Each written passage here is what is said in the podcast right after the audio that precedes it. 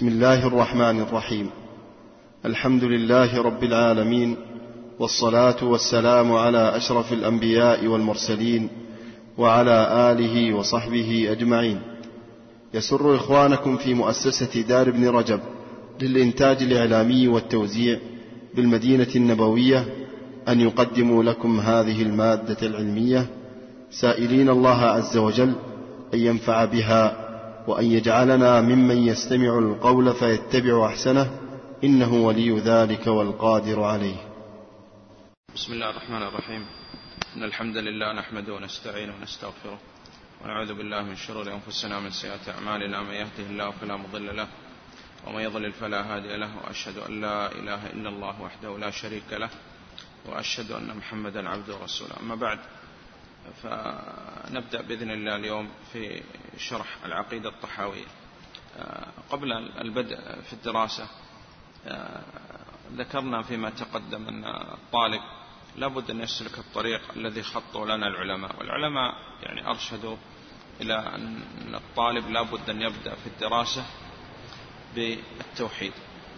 ثم أن العلماء رحمه الله تعالى قد ساروا على هذه الطريق أن كل في الغالب أن أئمة السلف كل واحد منهم يكتب عقيدة.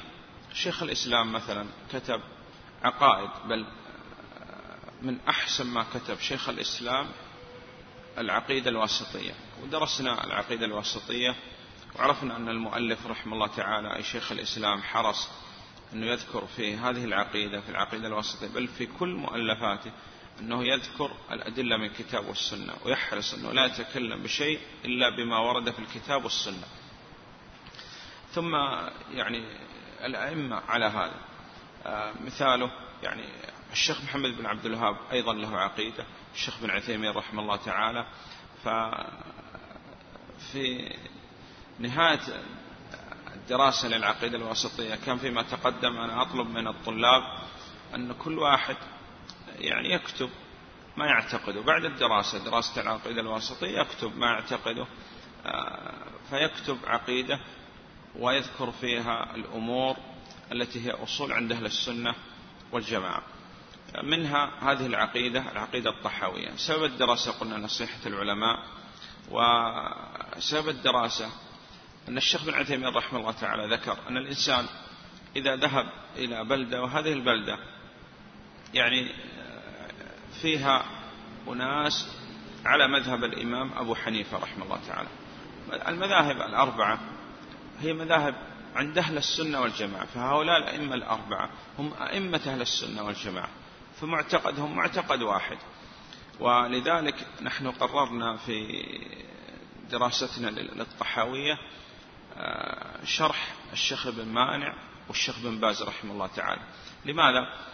لأن هناك من يحاول تفريق الأمة ويقول أن هؤلاء أي على ما يسميهم هم يقول هؤلاء الوهابية أنهم يعني لا يحب الإمام أبو حنيفة. وكيف؟ ونحن يعني نقول أن الإمام أبو حنيفة رحمه الله تعالى هو إمام من أئمة أهل السنة والجماعة. الإمام الذهبي رحمه الله تعالى قال في السير سير أعلام النبلاء عن الإمام أبو حنيفة يقول حب أبو حنيفة من الإيمان. الإمام الذهبي شافع المذهب.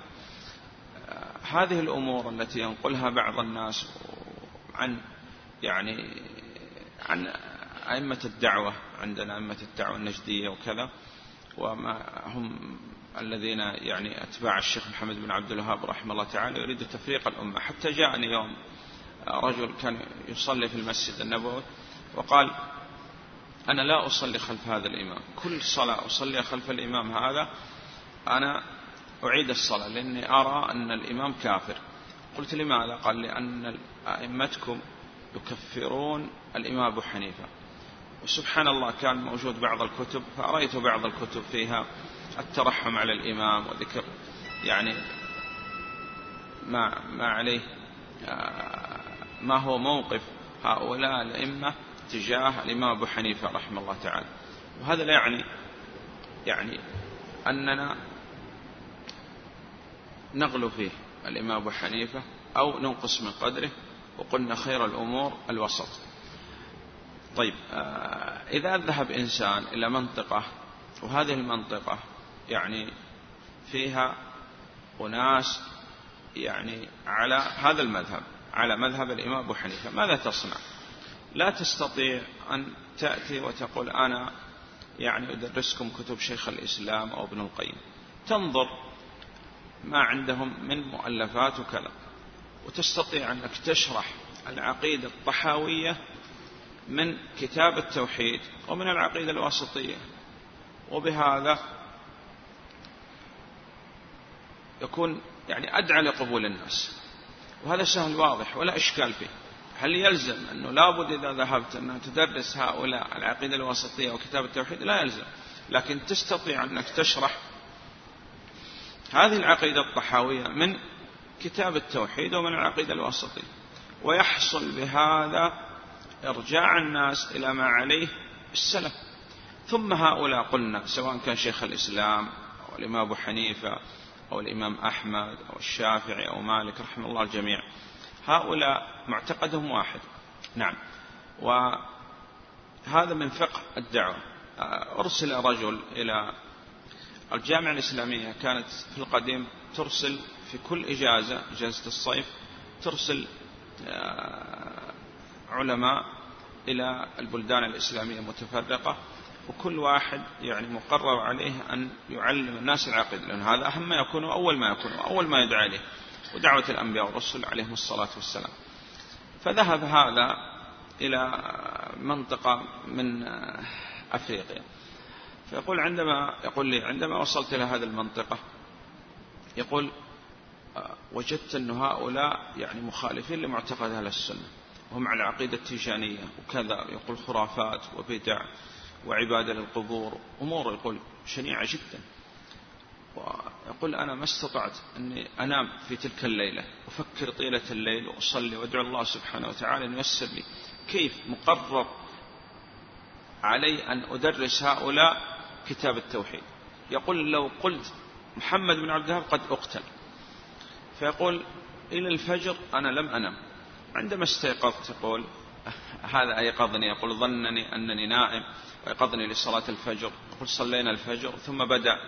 يعني هذا المسؤول عن المنطقة وإمام المسجد. يعني هو رأس من رؤوس هؤلاء على على ما يعتقد هؤلاء. فقال أنه جاءنا إنسان وهو سوف يعني يلقي بعض الكلمات والدروس. فقلت تقدمت وقلت لهم أي كتاب أي كتب تدرسوا؟ قال ندرس هذا الكتاب. عندهم كتاب يعني هم يعتمدون في العقيدة فقال أنا أدرسكم هذا الكتاب ولا أشكال يقول بدأت أشرح لهم من كتاب التوحيد ومن العقيدة الواسطية. يقول بفضل الله عندما أتممت الدراسة بعد شهر يقول أرجعت هؤلاء إلى معتقد أهل السنة والجماعة بفضل الله. ثم هم يقول كل واحد منهم كان في الأصل أنه لا يعرف القراءة أصلا. فيقول رجعوا هؤلاء كلهم وأرسلوا رسالة إلى الجامعة الإسلامية وقالوا لا ترسل لنا إلا فلان. هو الذي يعرف معتقدا. أما البقية هؤلاء كلهم وهابية وقل هم لا يدروا أنني يعني قد أوصلت إليهم معتقد أهل السنة والجماعة. إحنا ذكرنا هذا أيضا في شرح الشيخ بن عثيمين رحمه الله تعالى وقلنا على هذا سار الأئمة. الآن لا تجد عالم معتبر يعرف ما عليه أهل السنة والجماعة يأتي ويذكر الأحاديث الضعيفة مثلا في كتاب التوحيد أو الانتقادات التي انتقدت على الوسطية أو ما إلى ذلك.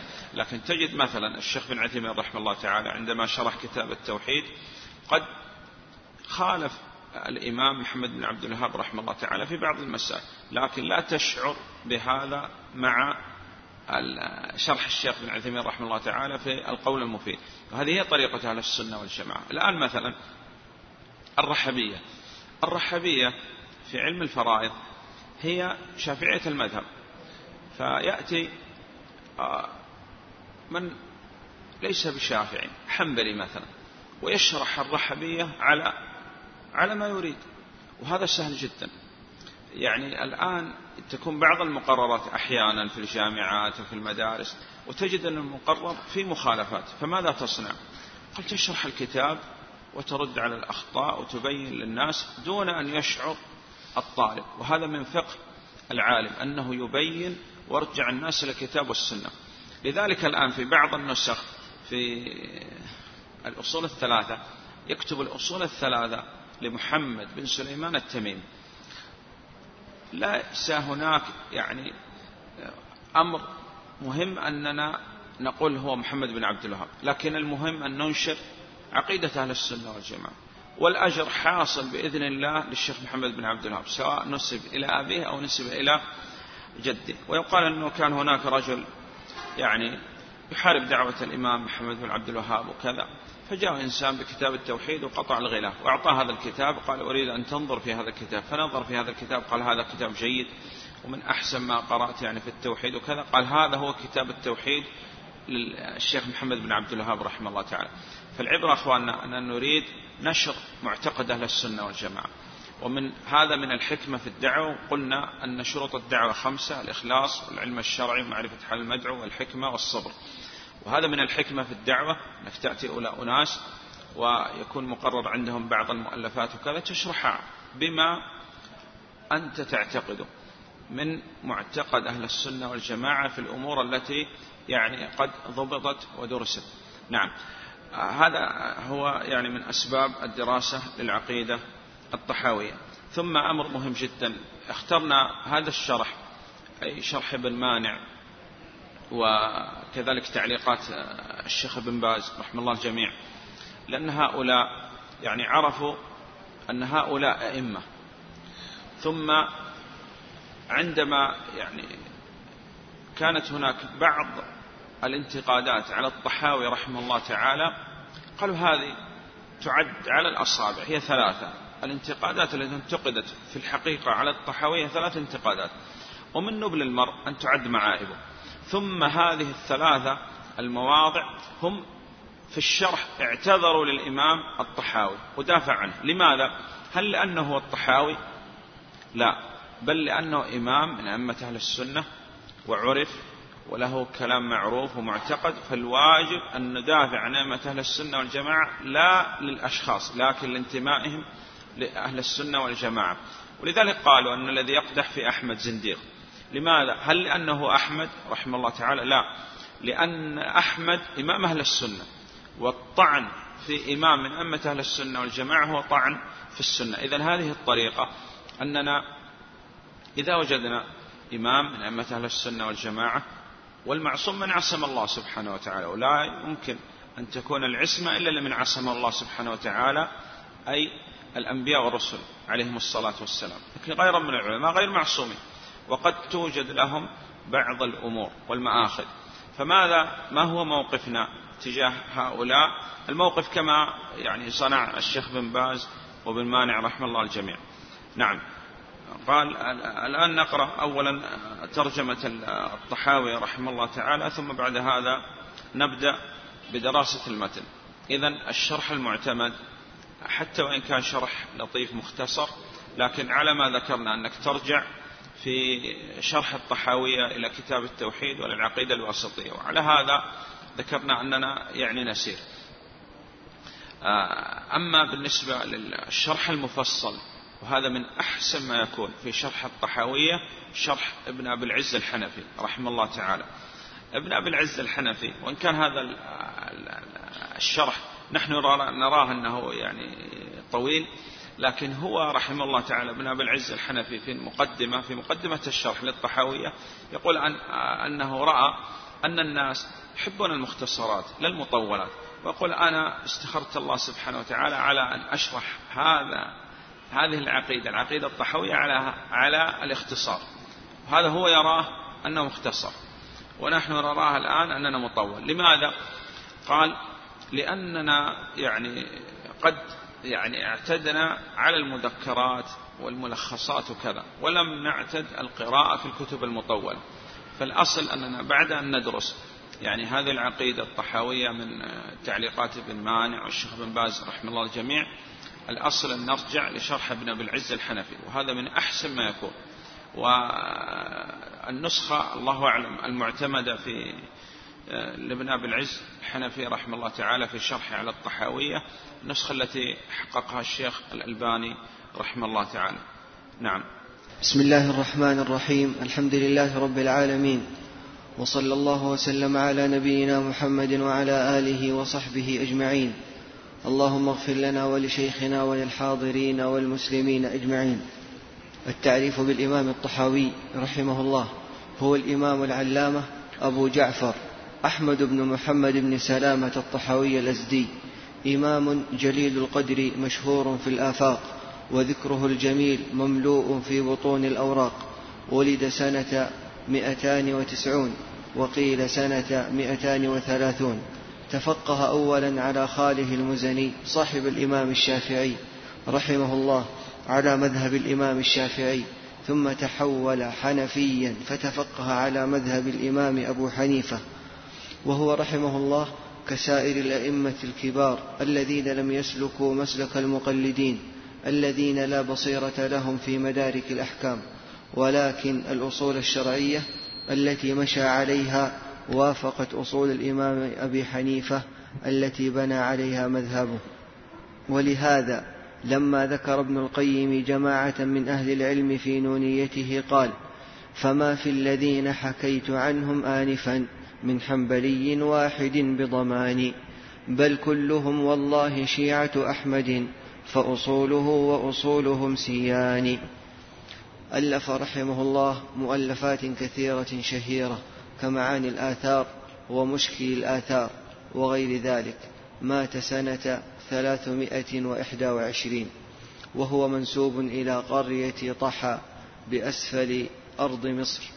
رحمه الله تعالى رحمة واسعة. قال الإمام الطحاوي رحمه الله تعالى في عقيدته هذا بيان ذكر عقيدة أهل السنة والجماعة على مذهب فقهاء الملة أبي حنيفة النعمان بن ثابت الكوفي وأبي يوسف يعقوب بن إبراهيم الأنصاري وأبي عبد الله محمد بن الحسن الشيباني وما يعتقدونه من أصول الدين ويدينون به لرب العالمين.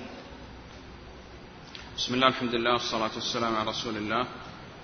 آه، ذكرنا أن المؤلف رحمه الله تعالى أراد أن يبين معتقد أهل السنة والجماعة. آه، وألف هذه العقيدة وسميت هذه العقيدة بالعقيدة الطحاوية نسبة إلى الإمام الطحاوي رحمه الله تعالى.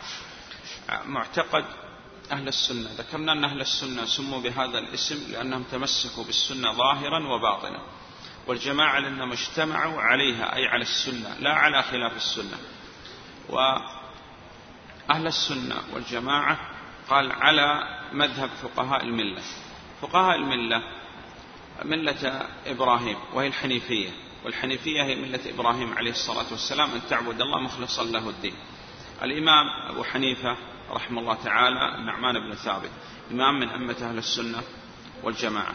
وذكر غيرهم من الأئمة ولكن من أئمة الأحناف. وذكرنا هذه المسألة أن هؤلاء الأئمة سواء كان آه، الإمام أبو حنيفة أو الإمام مالك أو الإمام أحمد أو الشافعي رحمه الله الجميع فهؤلاء معتقدهم معتقد واحد وهم أئمة من لأهل السنة والجماعة. ولا يعني هذا التعصب المقيت ولا التقليد ولا غيره. وهذا الكلام ذكر في ترجمة الطحاوي رحمه الله تعالى أنه كان على مذهب الإمام أبو حنيفة رحمه الله تعالى وكان لا يرى التقليد كما لا يراه الأئمة ولا التعصب. نعم. وهذا هو العلم. العلم إذا أراد الإنسان أن يدرس يعني الفقه مثلا فماذا يصنع؟ الأصل أن يأخذ من المنبع الأصلي كما قال النبي عليه الصلاة والسلام عليه الصلاة والسلام تركت فيكم أمرين لن تضلوا ما أن تمسكتم بهما كتاب الله وسنتي. فإذا وجد من يعلمه يعني الشريعة من المنبع الأصلي فبها ونعمة. وإن لم يقدر يأتي ويدرس من كتب الفقهاء. كما نحن الآن يعني نسير على ما سار عليه العلماء من دراسة الزاد وغيره. فهذه الدراسة لأن هذا العالم مثلا في الزاد جمع أقوال العلماء من مذهب الإمام أحمد وكذلك يعني يلخص بعض المسائل وبعض الأمور وهم في الأصل يستدلوا بنصوص الكتاب والسنة. نعم ما يعتقدون من أصول الدين ويدينون به لرب العالمين. نعم قال قال رحمه الله نقول في توحيد الله معتقدين بتوفيق الله إن الله واحد لا شريك له ولا شيء مثله ولا شيء يعجزه ولا إله غيره قديم بلا ابتداء دائم بلا انتهاء لا يفنى ولا يبيد ولا يكون إلا ما يريد لا تبلغه الأوهام ولا تدركه الأفهام ولا يشبهه الأنام حي لا يموت قيوم لا ينام خالق بلا حاجة رازق بلا مؤونة مميت بلا مخافة باعث بلا مشقة. قال رحمه الله نقول في توحيد الله معتقدين بتوفيق الله. بسم الله الحمد لله والصلاة والسلام على رسول الله. قال نقول في توحيد الله. التوحيد لغة مصدر وحد الشيء لا يجعله واحدا وشرعا إفراد الله سبحانه وتعالى بما يختص به من الربوبية والألوهية والأسماء والصفات. وأنواع التوحيد ثلاثة. توحيد الربوبية هو إفراد الله سبحانه وتعالى بأفعاله أو إفراد الله سبحانه وتعالى بالخلق والملك والتدبير. توحيد الألوهية إفراد الله سبحانه وتعالى بالعبادة أو بأفعال العباد توحيد الأسماء والصفات إفراد الله سبحانه وتعالى بما سمى وصف به نفسه في كتابه. أو على لسان رسوله صلى الله عليه وسلم وذلك بإثبات ما أثبت لنفسه ونفي ما نفى عن نفسه من غير تحريف ولا تعطيل ولا تكييف ولا تمثيل. نقول في توحيد الله معتقدين بتوفيق الله. آه، العبد لابد أن يظهر الافتقار إلى الله سبحانه وتعالى ولا نستطيع أن نستغني عن الله طرفة عين. فهو يقول أنا أقول في توحيد الله لكن مستعين وملتجئ إلى الله سبحانه وتعالى. بتوفيق الله. أن الله واحد في ألوهيته في ربوبيته في أسمائه وصفاته. وهذا هو التوحيد الذي دعت إليه الأنبياء والرسل عليهم الصلاة والسلام. لا شريك له. وذكرنا أن لا إله إلا الله إلا الله تتضمن نفي وإثبات كفر وإيمان. لأن الإثبات دون النفي هذا ليس بتوحيد. فالتوحيد لابد يتضمن نفي وإثبات لو قلت زيد قائم فأنت أثبتت القيام لزيد. وهذا لا يعني أنه غير زيد مشارك لزيد في القيام. لكن لو قلت لا قائم إلا زيد أثبتت القيام لزيد ونفيت أن يكون غيره مشارك له في القيام. وهذا هو حقيقة التوحيد. تقول لا إله إلا الله. واحد في ربوبيته في ألوهيته في أسمائه وصفاته. نعم. لا شريك له. نعم. الشريك والشبيه والنظير والمثيل. فلا تجعلوا لله أندادا وأنتم تعلمون. نعم. ذلك بأن الله هو الحق وأن ما يدعون من دونه الباطل. نعم. قال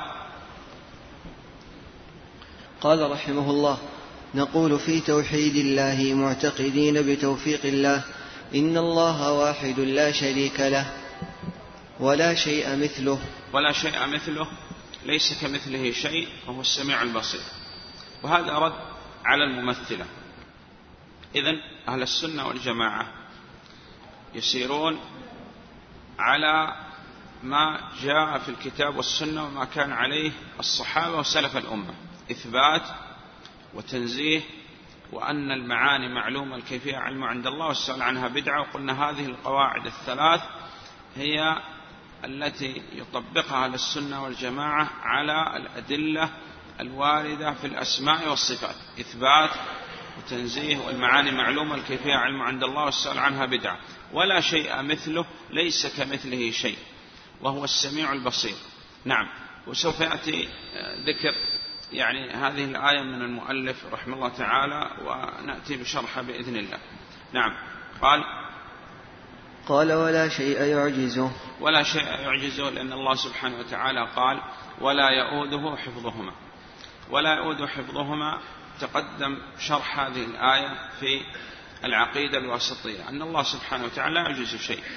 وذكرنا أن معتقد أهل السنة والجماعة في الصفات المنفية نفي عن الله كما نفى عن نفسه وكما نفى عنه رسوله صلى الله عليه وسلم مع إثبات كمال الضد لأن النفي المحض ليس بكمال لا يعجزه شيء لكمال قدرته وقوته وعزته سبحانه وتعالى. نعم. ولا إله غيره. ولا إله غيره هذا معنى لا إله إلا الله إلا معبود بحق إلا الله. لا إله غيره. أي المألوه والمعبود والمستحق للعبادة هو الله. وكل ما عبد من دون الله فعبادته باطلة كائنا من كان نبي أو ولي أو جن أو صالح أو ملك أو غيره. نعم. قديم بلا ابتداء دائم بلا انتهاء. قديم بلا ابتداء.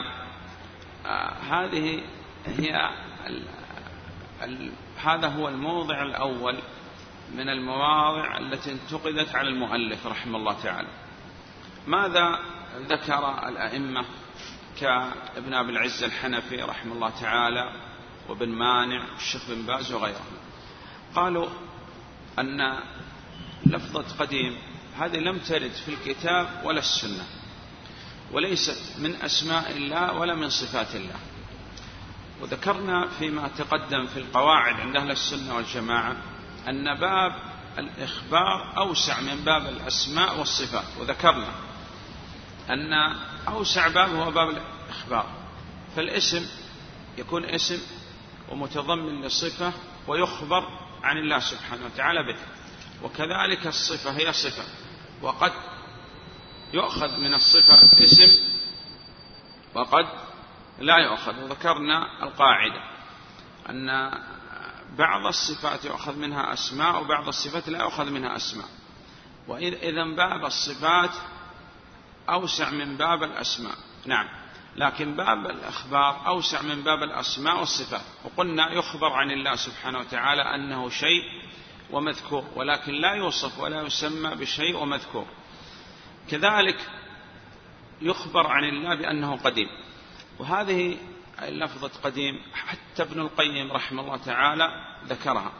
هذا من باب الإخبار ويصح أنه من باب الإخبار أن يقال كما قال ابن القيم وغيره. لكن أولى من هذا أن نأتي وقلنا هذا الذي ميز كتب شيخ الإسلام ابن تيمية رحمه الله تعالى لأنه لا يذكر شيء إلا بما ورد في الكتاب والسنة. يغني عن هذا أن نقول أن الله سبحانه وتعالى هو الأول والآخر. فعلى اعتبار أن المؤلف رحمه الله تعالى أراد بقول قديم الإخبار فهذا يصح كما ذكر ابن القيم. لكن أولى منه أن نذكر ما ذكر الله سبحانه وتعالى عن نفسه حيث قال الله سبحانه وتعالى هو الأول والآخر. وذكرنا أن أحسن من يفسر هذه الآية واسم اسم الله سبحانه وتعالى الأول والآخر والظاهر الباطن هو النبي عليه الصلاة والسلام حيث قال عليه الصلاة والسلام أنت الأول فليس قبلك شيء وأنت الآخر فليس بعدك شيء. إذا حتى الذي يعني يأتي ويقول هذه اللفظة يعني الأصل أنها تحذف ويوضع نقول الأولى أن يأتي بالأول والآخر وإن كان أراد الإخبار فهذا يصح ولا إشكال. كما ذكر هذا الكلام ابن القيم رحمه الله تعالى حيث قال وهو القديم. نعم. فلم يزل بصفاته. نعم. هو قديم ونقول هو الأول والآخر. كما قال الله سبحانه وتعالى وفسر الأول والآخر النبي صلى الله عليه وسلم حيث قال أنت الأول فليس قبلك شيء قديم بالابتداء أي أن النبي عليه الصلاة والسلام قال أنت الأول فليس قبلك شيء نعم. قال رحمه الله لا يفنى ولا يبيد ولا يكون إلا ما يريد. لا يفنى ولا يبيد. قال الله سبحانه وتعالى كل شيء هالك إلا وجهه. ويبقى وجه ربك ذو الجلال والإكرام. قلنا في تفسير هذه الآية كل شيء يفنى إلا ذات الله سبحانه وتعالى الموصوفة بصفة الوجه. ولا يفنى ولا يبيد لأن الله سبحانه وتعالى هو الأول والآخر والظاهر والباطن. نعم. قال ولا يكون إلا ما يريد. تقدم معنا أن أهل السنة والجماعة يقسمون القضاء والإرادة والحكم إلى قضاء شرعي وقضاء كوني وإرادة شرعية وإرادة كونية وحكم شرعي وحكم كوني. أما في المشيئة قالوا أن كل مشيئة في القرآن فهي مشيئة كونية. نعم. وبعض العلماء يقسم المشيئة إلى شرعية وكونية. وما هي الفائدة من تقسيم الإرادة والحكم والقضاء إلى شرعي وكوني حتى نرد على الجبرية وغيرهم؟ والقدرية لأننا نقول أن الله سبحانه وتعالى قضى قضاء شرعي وقضى قضاء كوني والفرق بينهم أن الشرع يكون فيما يحبه الله سبحانه وتعالى وقد يقع وقد لا يقع. أما الكون لا بد أن يقع ويكون فيما يحبه الله سبحانه وتعالى فيما لا يحبه. كيف لا يحب الله سبحانه وتعالى ويقع؟ قلنا لا أسأل عما يفعل وهم يسألون وهذا محبوب ليس لذاته بل محبوب لغيره. قلنا قدر مثاله أن الله سبحانه وتعالى قدر وقوع الشرك والمعاصي لحكمة أرادها الله سبحانه وتعالى. فمن حيث أن الله سبحانه وتعالى قدرها لا بد أن نرضى ونسلم. ومن حيث أن الله سبحانه وتعالى أمر أمر بالبراءة من الشرك وأهله ومحاربة الشرك لا بد أن نحارب الشرك وأهله. فمن حيث أنه وقع يقع بإذن الله وبقضاء الله الكون إلى الشرع. نعم. ولا يكون إلا ما يريد. هذا فيه رد على من يقول أن هناك أشياء تقع في الكون ولا يحبها الله سبحانه وتعالى ولا يريدها. وتقدم معنا هذا في قصة أحد. عندما قال أهل النفاق أن هذا ما وقع من الهزيمة في أحد لم تكن بقضاء الله ولا قدره ولا بحكمته ولم يرد الله سبحانه وتعالى هذا. وهذا في اعتراض على القضاء والقدر. نعم. ولا يكون إلا ما يريد فما شاء الله كان وما لم يشاء لم يكن وما تشاءون إلا أن يشاء الله رب العالمين. لكن لا بد أن نفرق بين الإرادة الشرعية والإرادة الكونية والحكم الشرعي والكوني والقضاء الشرعي والكوني. نعم. قال رحمه الله لا تبلغه الأوهام ولا تدركه الأفهام. هذه القاعدة الثالثة من القواعد التي يرجع إليها أهل السنة والجماعة في الأسماء والصفات. القاعدة الأولى قلنا إثبات والدليل وهو السميع البصير. القاعدة الثانية ليس كمثل شيء وأشار إليها المؤلف رحمه الله تعالى آه، فيما تقدم. والقاعدة الثالثة ولا يحيطون به علما. فالقول في كيفية صفات الله سبحانه وتعالى. هل يمكن أن ندرك الكيفية؟ لا يمكن. لماذا؟ لأن لم نرى الله ولم يخبرنا الصادق المصدوق عليه الصلاة والسلام وليس له مثيل. هل معنى هذا أن ننكر الكيفية لا. بل نثبت أن لله كيفية حقيقية تليق بشرف عظمته لكن هذه الكيفية لا نعلمها والسؤال عنها بدعة. والجواب السديد في من سأل عن الكيفية أو تكلم فيها إما أن يكون بما أجاب به الإمام مالك رحمه الله تعالى عندما سئل عن الاستواء قال الرحمن على عرش استوى كيف استوى؟ قال الاستواء معلوم أي المعنى. والكيف مجهول أن أننا نؤمن أن لله كيفية لكن هذه الكيفية لا نعلمها. والإيمان به واجب أي إثبات. ما أثبت الله لنفسه وأثبت له رسوله صلى الله عليه وسلم. والسؤال عنه بدعة لأنه سأل عن أشياء لم يسأل عنها الصحابة رضوان الله عليهم وهم أحرص على العلم منا وأتقى الله منا والمسؤول هو رسول الله صلى الله عليه وسلم أنصح الخلق للخلق وأعلم الخلق بالله. وقال أخرج الرجل وهذا في استعمال الغلظة في موضعها وهذا من باب التعزير والتأديب. لماذا نسير على هذه القواعد لأننا بالسير على هذه القواعد نكون أولا على ما كان عليه النبي عليه الصلاة والسلام والصحابة والسلف الصالح. ثم بهذا نجمع بين الأدلة وبهذا يكون إثبات مع تنزيه. إثبات وتنزيه والمعاني معلومة الكيفية العلم عند الله والسؤال عنها بدعة. وقلنا الحقيقة الشيء كيف تدرك؟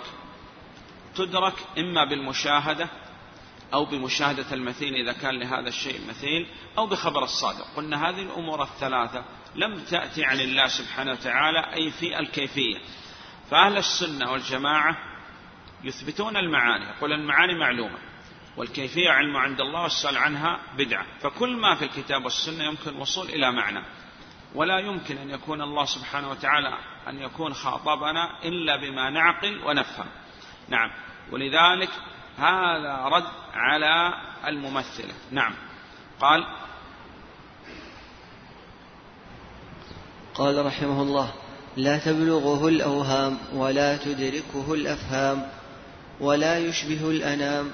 لا يشبه الأنام لأن الله سبحانه وتعالى قال ليس كمثله شيء. والتعبير بالتمثيل قلنا أولى من التعبير بالتشبيه. لأن هذا الذي ورد في القرآن لأن الله سبحانه وتعالى قال ليس كمثله شيء. وأن ما من شيء في الوجود إلا بينهما قدر يشتبهان فيه حتى وكان في الاسم. والثالث أن بعض الناس يجعل إثبات ما أثبت الله لنفسه وأثبت له رسوله صلى الله عليه وسلم. مع التنزيه يجعلون هذا تشبيها ولذلك يرمون أهل السنة بالمشبهة والمجسمة والشكاكة والنواصب والنوابت وغثاء وحبية وغير ذلك. نعم.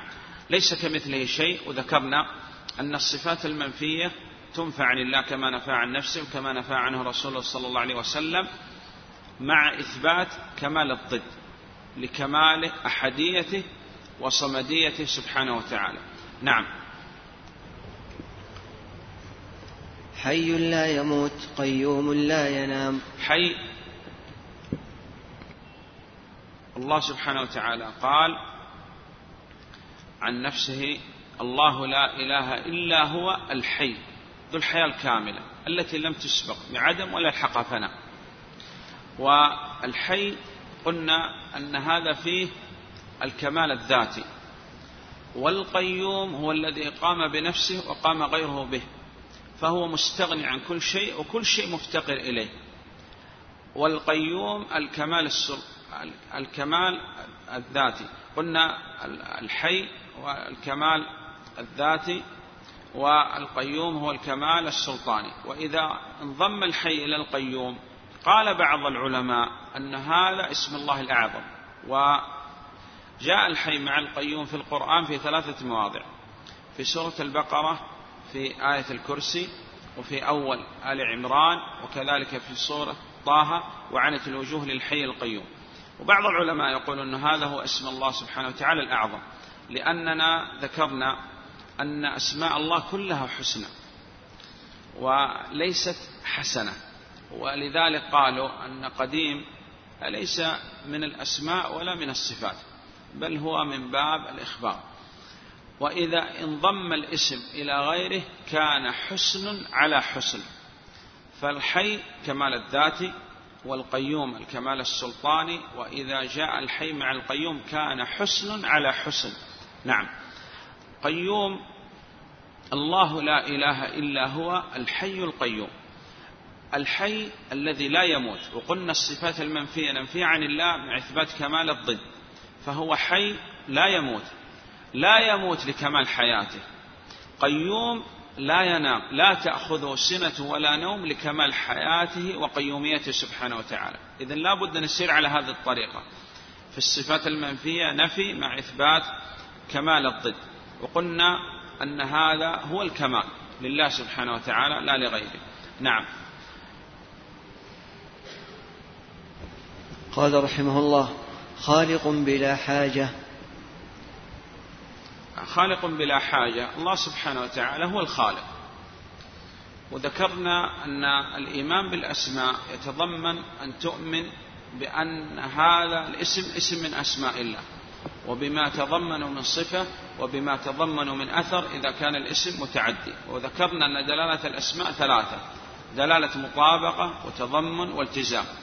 فالله سبحانه وتعالى خلق الخلق وهو مستغني عن الخلق والخلق مفتقرون إليه. يا أيها الناس أنتم الفقراء إلى الله. قال وما خلقت الجن والإنس إلا ليعبدون. وما خلقت الجن والإنس إلا ليعبدون. ما أريد منهم من رزق فالله سبحانه وتعالى مستغني عن الخلق والخلق مفتقرون إلى الله سبحانه وتعالى. ما أريد منهم من رزق وما أريد أن يطعمون. فالله سبحانه وتعالى خلق الخلق ليعبدوا. والله سبحانه وتعالى لا يمكن أن يحتاج إلى الخلق والخلق لا يمكن أن يستغنوا عن الله سبحانه وتعالى طرفة عين. نعم خالق بلا حاجة. نعم. قال رحمه الله خالق بلا حاجة رازق بلا مؤونة. أي بلا مؤونة أي أن الله سبحانه وتعالى رزق العباد. والرزق للعباد على ما تقدم معنا أن الرزق ينقسم إلى قسمين. رزق عام هذا يشمل كل مخلوق مخلوق وينقسم إلى رزق حلال ورزق حرام. وليبلونكم الله بشيء من الصيد تنال أيديكم ورماحكم. ورزق خاص بالمؤمنين الإيمان والتقوى والعمل الصالح ولا بد أن تعلم أن كل ما بك من نعمة فهي من الله. رازق إن الله هو الرزاق ولم يقل الرازق إن الله هو الرزاق لكثرة ما يرزق وكثرة من يرزق. إن الله هو الرزاق ذو القوة المتين. رازق بلا كلفة وأن الله سبحانه وتعالى على ما ذكر النبي صلى الله عليه وسلم في الحديث القدسي لو أن أولكم وآخركم وإنسكم وجنكم. وقال وأعطيت كل واحد مسألته ما نقص ذلك من ملك شيئا فالله سبحانه وتعالى رازق لكل العباد ولا ينقص ذلك من ملكه شيئا. نعم. قال إذا هذا فيه أننا لا نطلب الرزق إلا من الله. كما أن الجنة لا تطلب إلا من الله كذلك الرزق لا يطلب إلا من الله. لأنه لا أحد يقدر على إعطاء الجنة إلا الله وكذلك الرزق. قال قال الله سبحانه وتعالى إن الذين تعبدون من دون الله لا يملكون لكم رزقا فابتغوا عند الله الرزق لا عند غيره. واعبدوه لأن العبادة السبب فتح باب الرزق واشكروا له لأن النعمة ابتلاء وتحتاج إلى شكر. نعم. خالق بلا حاجة رازق بلا مؤونة مميت بلا مخافة باعث بلا مشقة. الله أعلم نكتفي بهذا المقدار وغدا إن شاء الله تعالى نكمل ما بدأنا به. والله أعلم. صلى الله على محمد وآله وصحبه وسلم. ماذا أخذنا؟ نعم. الله أعلم أن يعني الذين ينبغي عليهم أن يدرسوا هذا الكتاب هم الذين يشاركون معنا. لزاما. نعم. لماذا اخترنا دراسة هذا المتن أي متن العقيدة الطحاوية؟ أولا نصيحة العلماء وليس لنا أن نبتدع طريقة جديدة في طلبنا العلم لابد أن نسير على النهج. والعلماء أرشدوا أن الطالب إذا كان يعني أراد الرجوع إلى منطقة وهذه المنطقة معتمد فيها كتب وبخاصة كتب الأحناف أنه لابد أن يضبط شرح العقيدة الطحاوية. طيب هذا الثاني. وأن هذا المتن متن مبارك وكثرة الشروحات والتعليقات عليه وعناية العلماء به بل أن بعض العلماء أرشد إلى حفظ هذا المتن. نعم فهو متن مبارك ووضع الله سبحانه وتعالى له القبول في الأرض كثرة الشروحات عليه وعناية العلماء به. نعم ولا يعني هذا أنه لا يوجد فيه شيء. يوجد فيه قلنا أن خلاصة ما ذكره العلماء في هذا المتن أنهم انتقدوا ثلاث انتقادات. حتى في هذه المواضع الثلاثة اعتذروا للإمام الطحاوي. وسوف يأتي معنا يعني الكلام على هذه المواضع الثلاثة وما هو كلام أئمة أهل السنة والجماعة بخاصة الذين قيل عنهم أنهم خالفوا الإمام أبو حنيفة رحمه الله تعالى أو خالفوا من كان على مذهبه. نعم. قديم قلنا أن هذا يصح من باب الإخبار وأولى من هذا أن المؤلف رحمه الله تعالى لو قال هو الأول والآخر. نعم قلنا هذه المسألة ذكرها ابن القيم رحمه الله تعالى من باب الإخبار والأولى أن يقول هو الأول والآخر. قلنا فسر النبي صلى الله عليه وسلم قال أنت الأول فليس قبلك شيء. نعم. طيب. لماذا ذكر المؤلف الإرادة والحكم والقضاء؟ على ما قلنا. قلنا الإرادة الشرعية والكونية هو ذكر الإرادة. لماذا؟ رد على من؟ رد على الجبرية ورد على القدرية. وذكرنا أن هذه المسألة فرق العلماء بين الإرادة الشرعية والإرادة الكونية. والتفريق يكون أن الإرادة الشرعية تكون فيما يحبه الله سبحانه وتعالى. وقد تقع وقد لا تقع. أما الكونية لا بد أن تقع ويكون فيما يحب الله سبحانه وتعالى فيما لا يحبه. فالذي لا يفرق بين الإرادة الشرعية والإرادة الكونية قد يقول أن هذا الشرك عندما حدث فهو يحبه الله سبحانه وتعالى. نعم. أو قد ينكر أي نعم. قضاء الله سبحانه وتعالى الأشياء وقل إنما حدثت هذه بدون إرادة ولا قضاء ولا حكم. نعم. غير هذا. نعم. نعم. نعم. أنه لو عبر المؤلف رحمه الله تعالى بالتمثيل أولى من تعبيره بالتشبيه لأن هذا الذي جاء في القرآن. ولا يصح أن تقول هذا الذي عبر به القرآن لأنه أهل السنة يقولون أن القرآن كلام الله لا حكاية ولا عبارة. الثاني أنه ما من شيء إلا بينهما قد يشتبهان فيه حتى وكان كان في الاسم تقول رأس الإبل ورأس المال ورأس الوادي. الثالث أن أن بعض الناس يجعل إثبات ما أثبت الله لنفسه وأثبت له رسوله صلى الله عليه وسلم تشبيها ولذلك يرمون أهل السنة بالمشبهة والمجسمة والشكاكة ونواصب وغيره. أين الأحناف. نعم. نعم. أهل السنة. سمي أهل السنة بهذا الاسم لأنهم تمسكوا بسنة النبي صلى الله عليه وسلم ظاهرا وباطنا. والسنة هنا هي الطريقة. لا السنة على ما يذكر الفقهاء. فالسنة هي الطريقة وكل ما ثبت عن النبي صلى الله عليه وسلم من قول أو فعل أو تقرير. نعم. طيب. والجماعة لأنهم اجتمعوا على السنة. ولذلك قال عليه الصلاة والسلام الجماعة وفي رواية قال ما أنا عليه اليوم وأصحابي. نعم.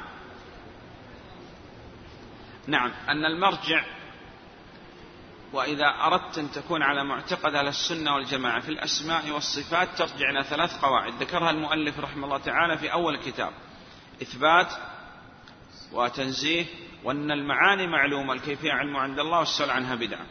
وذكرنا أن الجواب السديد في من سأل عن كيفية صفة من صفات الله يكون من من وجهين. الوجه الأول أن نجيب بما أجاب به الإمام مالك. الوجه الثاني ما ذكره شيخ الإسلام ابن تيمية رحمه الله تعالى في الحموية وقال في التدمرية. وقال أنه من سأل عن صفة عن كيفية صفة من صفات الله. نسأله كيف ذات الله؟ يقول أنا لا أدري. أنا أثبت لله ذات ليست كالذات. نقول لابد أن تقول هذا في الصفات. تثبت لله صفات ليست كالصفات. والقول في الصفات فرع عن كلام في الذات. نعم. طيب. قول في الصوت؟ نعم. بعد هذا. ماذا؟ نعم. الحي. قلنا الحي اسم من أسماء الله متضمن لصفة الحياة. وأن الله سبحانه وتعالى حي وهذه الحياة لم تسبق بعدم ولا الحق فناء. لا يموت صفة منفية لكمال حياته.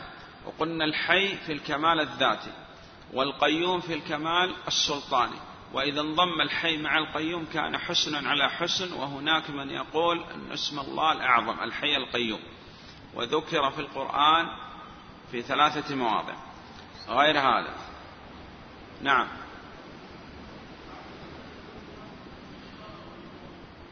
نعم. العبد أن أن يظهر افتقاره إلى الله سبحانه وتعالى. نستطيع أن نستغني عن الله طرفة عين. فهو عندما بدأ هذا المتن المبارك قال بتوفيق الله. ولأن العبد لا يمكن أن يستغني عن الله طرفة عين. وقال أنا أكتب هذا الكتاب بتوفيق من الله, من الله سبحانه وتعالى وتبرأ من حوله ومن قوته. نعم. طيب. غير هذا. نعم. ما أسمع. الرازق. إن الله هو الرزاق. وقلنا الرزاق لكثرة ما يرزق وكثرة من يرزق. والرزق ينقسم إلى قسم. رزق عام يشمل كل مخلوق حتى الكافر. وينقسم إلى رزق حلال ورزق حرام. أما الرزق الخاص يكون بالمؤمنين الإيمان والتقوى والعمل الصالح. كما أن الجنة لا تطلب إلا من الله كذلك الرزق لا يطلب إلا من الله. إن الذين تعبدون من دون الله لم يكون لكم رزقا. فابتغوا عند الله لا عند غيره. الرزق واعبدوه واشكروا له. نعم. الكيفية تعلم إما بالمشاهدة أو بمشاهدة المثيل إذا كان لهذا مثيل أو بخبر الصادق. وهذه لم ترد في كيفية صفات الله سبحانه وتعالى. فهذا فيه أننا لا يمكن أن ندرك الكيفية لأن لم نرى الله سبحانه وتعالى ولم يخبرنا الصادق المصدوق عليه الصلاة والسلام وليس له مثيل. فماذا نصنع؟ نقول نثبت أن لله كيفية لجلالة عظمته لكن هذه الكيفية لا نعلم والسؤال عنها بدعة. وأشار إلى هذا الكلام أي كلام الإمام مالك وما هو معتقد أهل السنة والجماعة في قوله لا تدركه الأوهام ولا شيء مثله ولا شيء يعجزه وغيره نعم. غير هذا. نعم. لا إله. وهذا إشارة إلى معنى لا إله إلا الله إلى معبود بحق إلا الله. وذكرنا أن يعني الطالب إذا تأصل ودرس المتون التي درسها العلماء يستطيع بإذن الله أنه يفهم بقية المتون التي ألفت في العقيدة. آه هذه الطريقة يرشد إليها الشيخ بن عثيمين رحمه الله تعالى يقول أنه لابد أن تعود نفسك أن تشرح كل ما يرد عليك لكن ليس معنى هذا أن تتصدر للتدريس وتأتي تشرح دون المراجعة في شروحات العلماء. لكن أنت مثلا عندما تقرأ تقرأ مثلا في البلوغ. تقرأ في البلوغ حديث إنما الأعمال بالنيات. عندما تقرأ الحديث قبل أن تقرأ الشرح تدرب نفسك على شرح هذا الحديث. إفتاء لا. قول على الله بغير علم خير لكن هذا من باب التدريب بينك وبين نفسك. تقول شرح هذا الحديث أننا نقول مثلا إنما إنما أداة حصر. وتقول أن هذا من صيغ العموم. والنية قال عنها العلماء أن النية محلها القلب والتلفظ بها بدعة وأن شرط قبول العبادة الإخلاص والمتابعة وكذا وكذا وكذا. تكتب هذه الفوائد ثم تأخذ هذه الفوائد وتقرأ مثلا في شروحات هذا الحديث في الفتح الباري أو في غيره. ثم ترى هل هذا الكلام يعني الذي ذكرت كتبت مطابق لما قال العلماء وبهذا تتدرب دائما على هذا. عندما يعني تأتي إلى ما ذكر مثلا الطحاوي رحمه الله تعالى ترجع إلى شرح مثلا الواسطية وشرح كتاب التوحيد.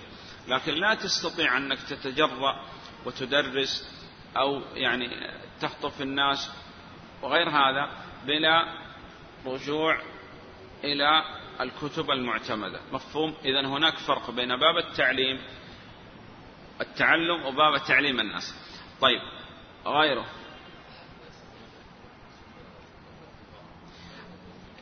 أن طريقة أهل السنة وسط بين المعطلة والممثلة وهذا اللي ذكره المؤلف رحمه الله تعالى.